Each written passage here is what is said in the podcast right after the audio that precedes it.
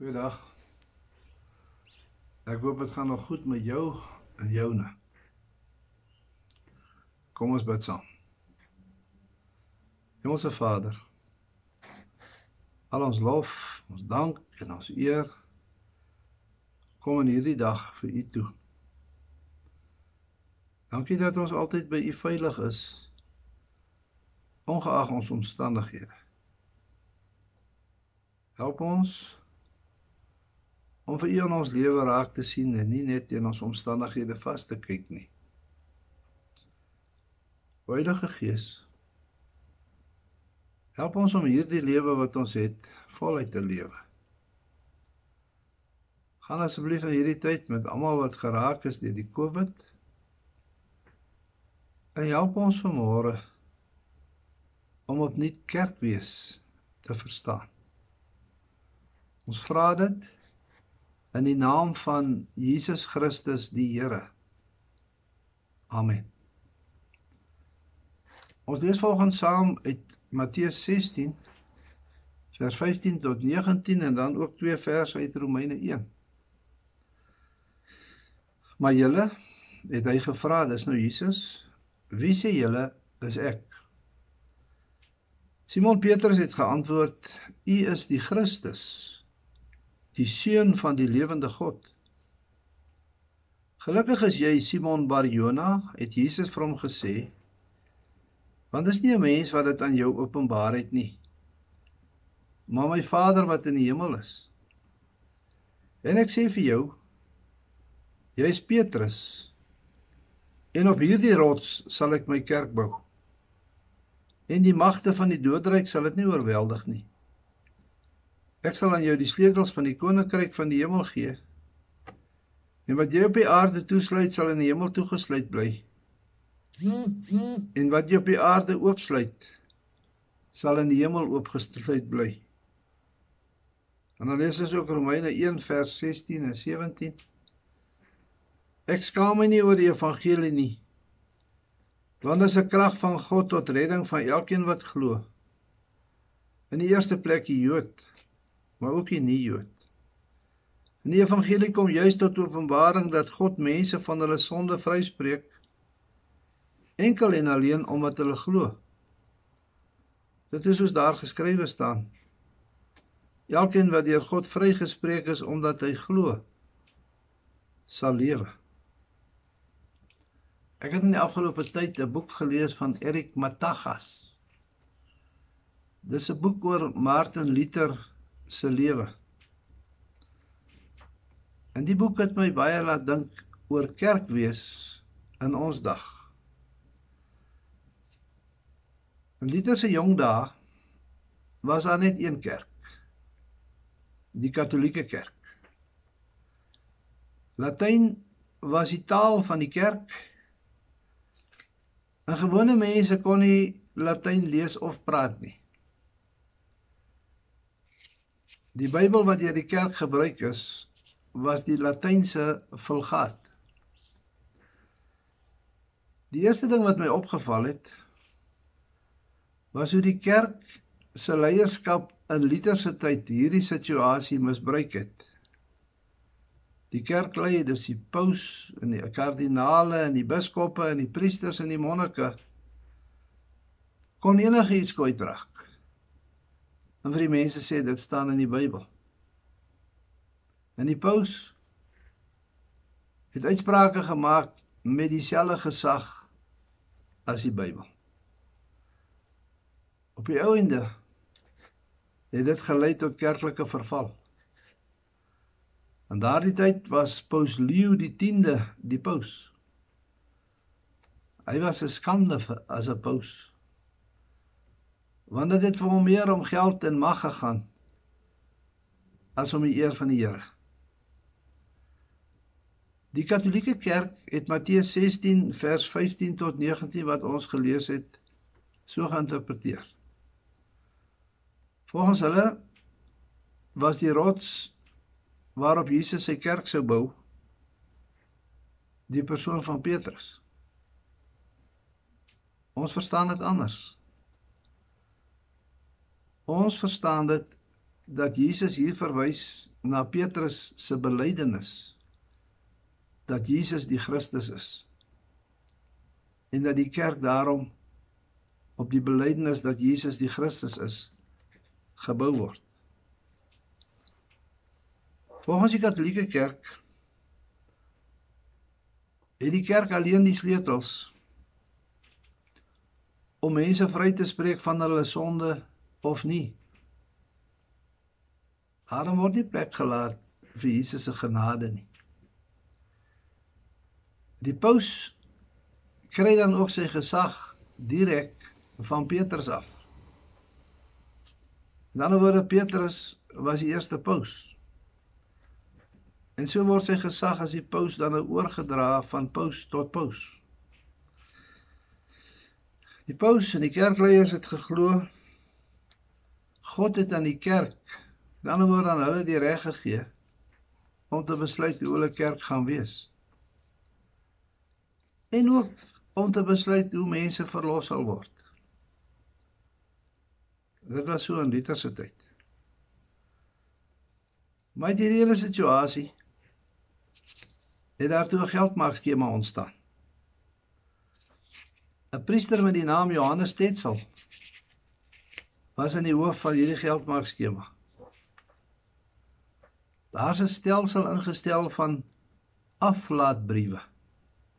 Op Engels indulgencies. Volgens hulle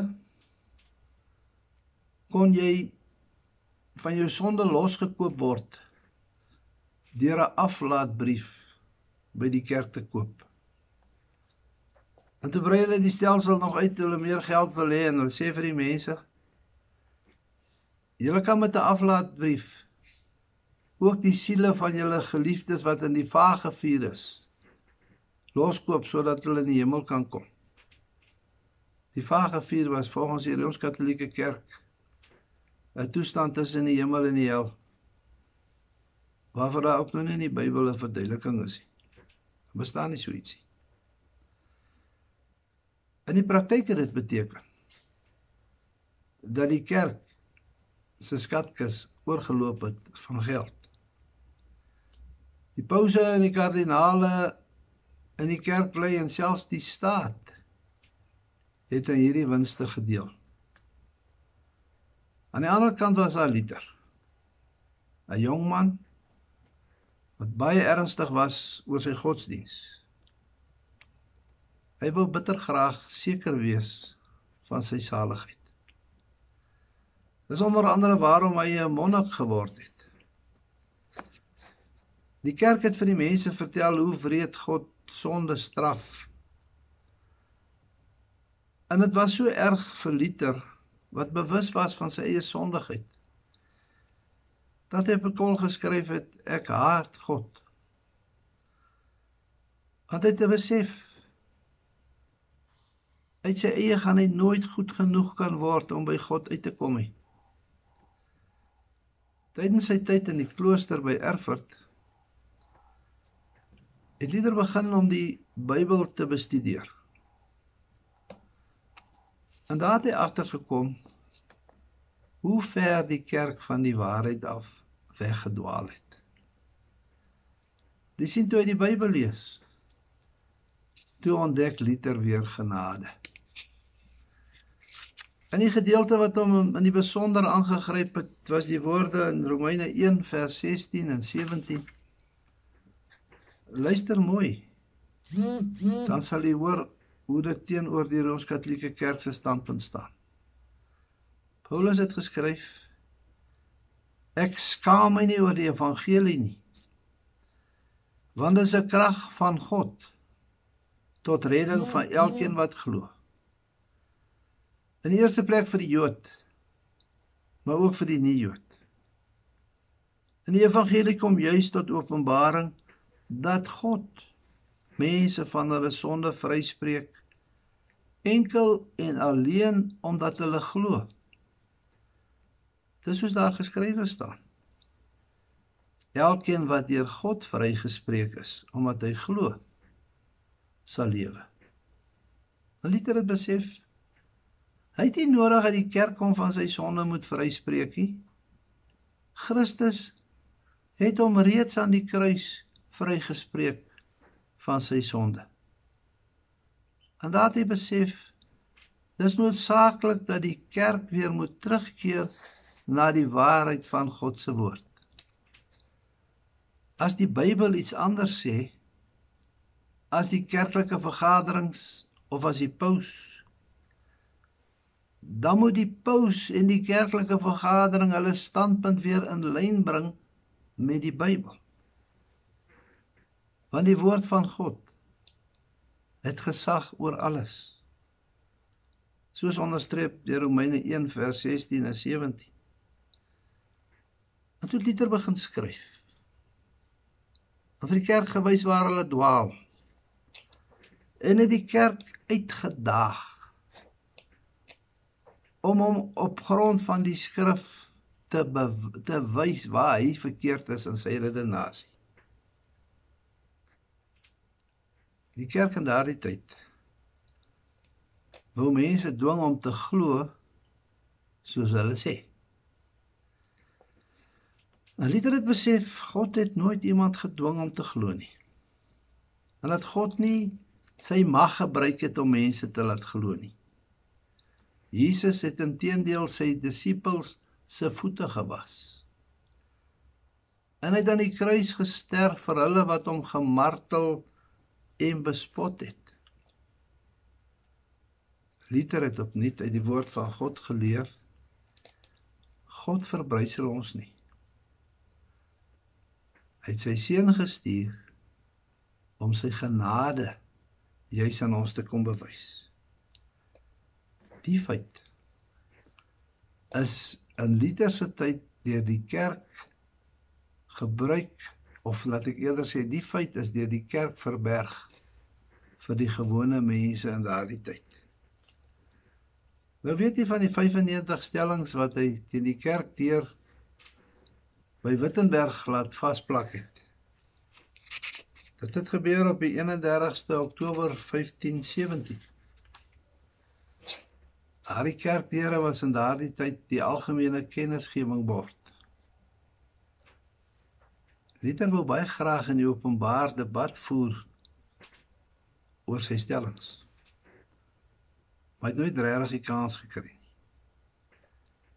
Die kerk het sy mes vir hom aangehad want hy die appelkar kom omgooi. Op die 3de April 1521 vertrek Luther na Worms om daar deur die kerk verhoor te word. Daar het die owerheid en die staat die kerk probeer om Luther te laat bieg oor sy eie standpunte teenoor die Katolieke Kerk. Hy moes sê dat hy verkeerd is. Maar Luther het by sy standpunt gebly. Die enigste rigsnoer vir die kerk, vir reg en verkeerd, is die woord van God. En daar het hy sy beroemde stelling ook aangehaal. Hier staan ek. Ek kan nie anders nie. Sommige dink Luther het geleer dat 'n mens na jou gewete moet luister. Dat jou gewete jou moet lei in jou besluite, maar dis nie wat hy gedoen het nie. Luther het bedoel 'n mens met jou gewete laat lei deur die woord van God. Op die 26ste Mei 1521 het die keiser 'n dokument onderteken wat Luther tot vyand van die kerk en die staat verklaar het. As hy gevang sou word, sou hy op 'n vuurstapel sterf. Vriende van Luther het hom weggevoer en hom gaan wegsteek by Wartburg teen die hange van 'n in 'n klooster teen die hange van 'n berg. Daar het hy hom as ridder voorgedoen. Weet jy mense staan beskant. As jy kyk na die omvang van die werke wat uit Luther se pen gekom het. Hy het byvoorbeeld die Nuwe Testament in Duits vertaal in 10 maande. Dit terwyl hy nog 'n klomp ander dokumente ook geskryf het. Maar die vertaling van hom was so goed dat dit vandag nog die amptelike Bybel van die van Duitsland is. Hy het natuurlik nou saam met dit ook die Ou Testament vertaal. Intussen het die reformatie wat deur Luther begin is uit sy nate gebars. Gewone lidmate kon vir die eerste keer die Bybel lees in hulle eie taal en die waarheid van die woord begin verstaan. In die Gutenberg drukpers het ongelooflik baie gehelp in hierdie hele proses. Deur Luther se geskrifte het hulle in die Bybel weer die genade van God gaan ontdek. Ek lees dat Luther in sy jong dae baie ernstige jong man was wat selde gelag het. Seker omdat hy altyd die swaard van God se oordeel oor hom gevoel het soos die kerk vir God voorgehou het. Nadat hy die genade in die woord van God ontdek het, het alles verander. Luther het opgewek en vrolik geword. Party mense kon nie dit verstaan nie, het gedink hy het mal geword. Maar sy antwoord in my woorde was: Hoe kan ek met 'n lang lip lewe te midde van die genade wat God aan my bewys het? Jy weet net so kort beskrywing. Ek gaan my soms nog glad nie reg laat geskied aan Luther se lewe nie. Maar as 'n rede hoekom ek dit vir julle vertel het. Ek het na aanleiding van Luther se worsteling met die kerk twee vrae aan vandag se kerk. En nie bedoel ek nou die kerk in die breedste sin van die woord.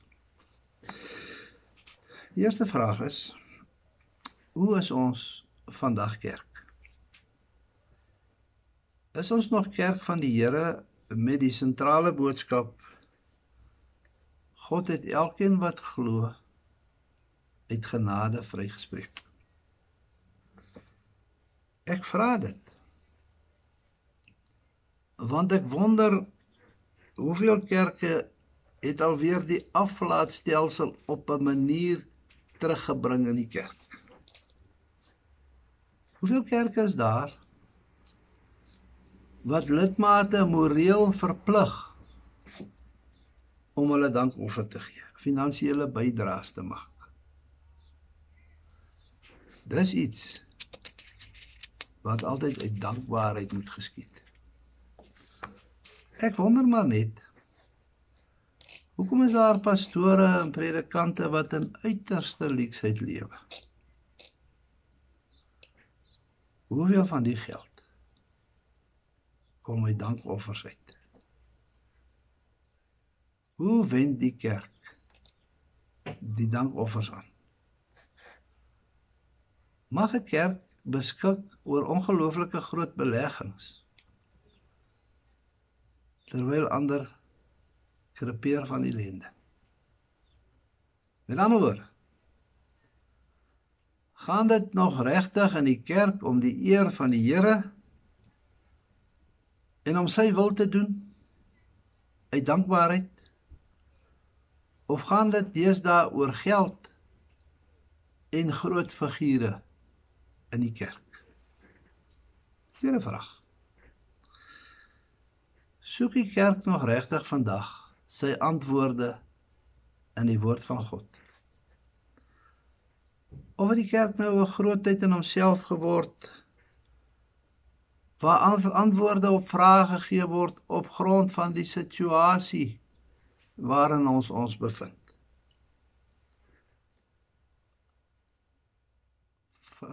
Gee God se woord nog regtig die antwoorde. Ek vra maar net. Amen. Hemelse Vader, help ons om weer kerk te wees vir U soos U vraag. Ons vra dit in die naam van Jesus Christus die Here. Amen. Mooi dag.